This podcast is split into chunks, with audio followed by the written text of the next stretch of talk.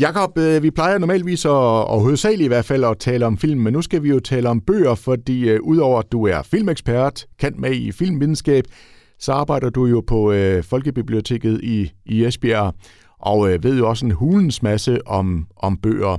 Og grunden... i hvert fald en lille smule. Ja, det gør du. Det gør du. I går, der blev der, synes jeg, kastet noget af en, en, en bombe. Hvad var det, der skete der? Jamen, der blev kastet ind i de der sjældne litterære bomber, øh, hvor der kommer en bog ud af, af ingenting. Altså, hvis jeg tænker lidt tilbage i tiden øh, på nogle af de der lidt store, så er der sådan noget, jeg mener, det var Rit Bjergård med den der kommissærens dagbog, så var der den der med Thomas Ratschak med jæger, så var der den med ham, øh, ser og journalisten, øh, og så var der senest med ham, Finsen øh, fra efterretningstjenesten. Så en gang imellem kommer der de her øh, litterære bomber, øh, som bare får folk til at nærmest falde bagover. Og det vilde her, der er det jo, det er jo ikke en hvilken, hvilken som helst, det er jo kongens bombe, der falder her, ikke? Øh, det her med, at det er nærmest, det er også derfor, jeg tænker, så langt er du ikke væk fra film, det her, ikke? fordi jeg kan godt lide den her fortælling om, at de nærmest er kongehuset, og Jens Andersen, forfatteren, er nærmest kommet med manuskriptet her til, øh, til politikens forlig nærmest 1. januar, og så skal den udkomme her ikke meget mere end to uger efter. Så den tryk, det har været, og man kan sige, at alle er jo blevet taget på sengen, det er vi også på, på biblioteket, ikke? Altså, vi er ved at have op, oprettet sådan en, en kvikpost, øh, fordi når vi så får det op, så vil jeg ved med, så kommer det til at vælte ind med reserveringer, for man kan sige, for nogle år siden lavede Jens Andersen, der også har lavet Kongo, og lavede jo en biografi om øh, kronprins Frederik. Den er normalt øh, hjemme på hylderne. Nu er de alle 10 eksemplarer udlånt, og det vælter ind med reserveringer. Mm. Så ligesom med det her med airfryer, så er det ligesom, så når det begynder at sprede sig, så sker der noget øh, rigtig stort. Så det er en, en rigtig, rigtig vild ting. Ja. Og jeg kunne godt lige tænke mig lige at vende tilbage til det, du siger der med, at, at det skulle gå hurtigt det her, fordi faktisk allerede nytårsaften, der fik øh, polit, politikens øh, forlag en henvendelse om, om de var interesseret i at udgive den her bog her. Og i går udkom den så altså den 17. Øh, januar, 17 dage efter, ikke? Du har jo selv øh, udgivet bøger. Altså, der er vel blevet arbejdet mega hurtigt i kulisserne. Der er mange mennesker, der har arbejdet på højtryk, fordi en ting er, at du får et, et færdigt manuskript, og man kan sige, at Jens Andersen er en af vores helt dygtige forfattere, men der skal jo stadigvæk læses korrektur i flere omgange, og det skal sættes op, så skal læses korrektur igen. Fordi uanset hvor dygtig du er, så vil der være fejl. Så jeg siger det her med, med, med to uger for henvendelse, men man kan også godt forstå, at de siger ja.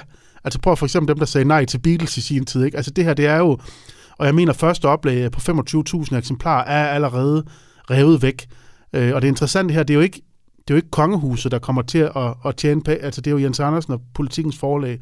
Øhm, så det er jo en, Øh, en vanvittig interessant udgivelse, også fordi det er jo ikke en, nu står jeg her med nogle meget lange bøger, tykke bøger, det er jo ikke en, det er jo nærmest en, ikke, en, ikke en pamflet, men det er jo nærmest en, øh, øh, hvis du har brug for et eller andet at vide, som Frederik tænker, så kan du slå det op der, ikke? Mm-hmm.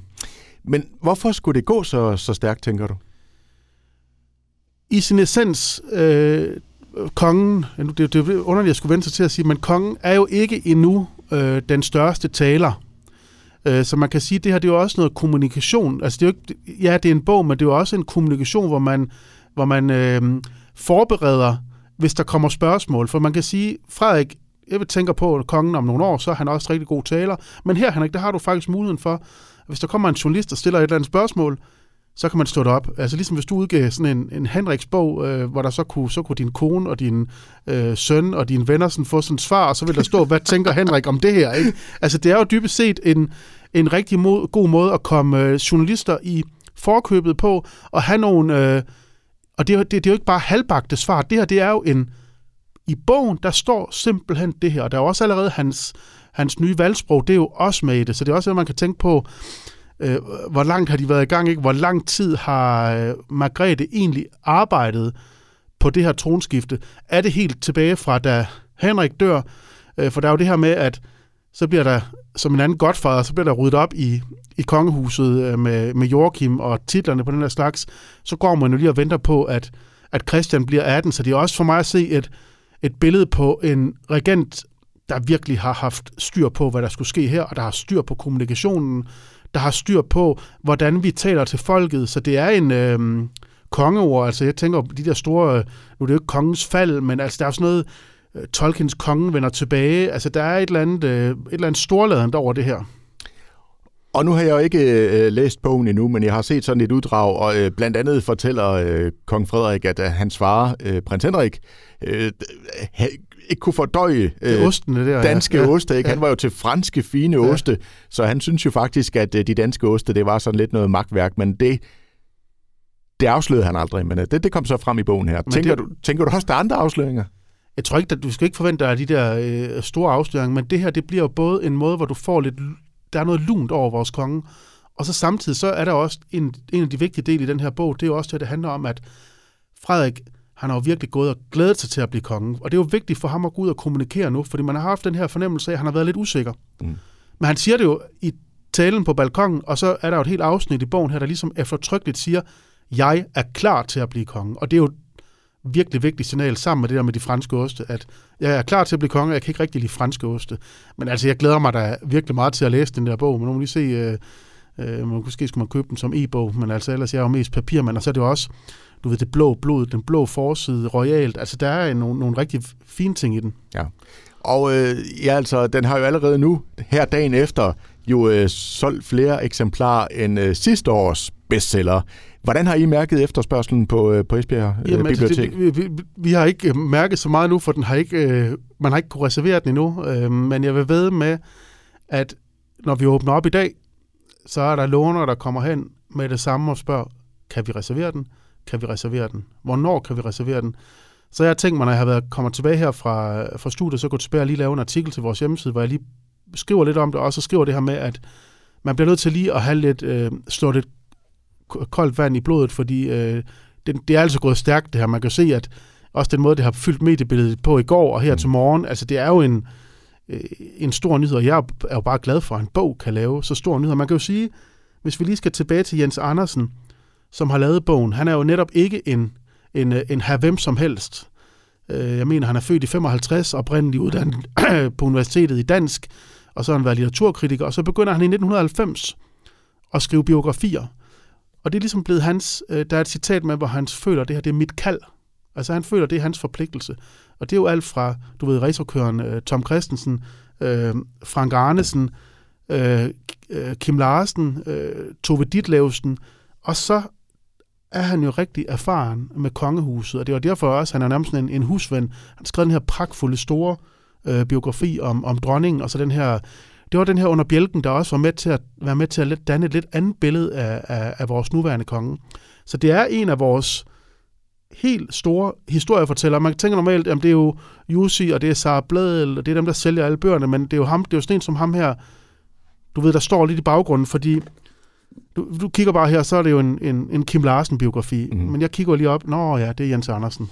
Ja, for jeg skulle til at sige, altså en ting er, at han har med de rigtige konger at gøre, men man kan også sige, at han jo også skrevet biografier om konger inden for hver deres felt. Kim Larsen inden for musikken, og Tom Christensen inden ja. for Formel 1. Ikke? Og tænk, hvor stor Tom Christensen er, og Frank Arnesen, hvor stor han var. Ja, ikke? Ja. Og så også, har han jo også skrevet den helt store vigtige om Astrid Lindgren, jo, som så er Sveriges store forfatter. Ikke?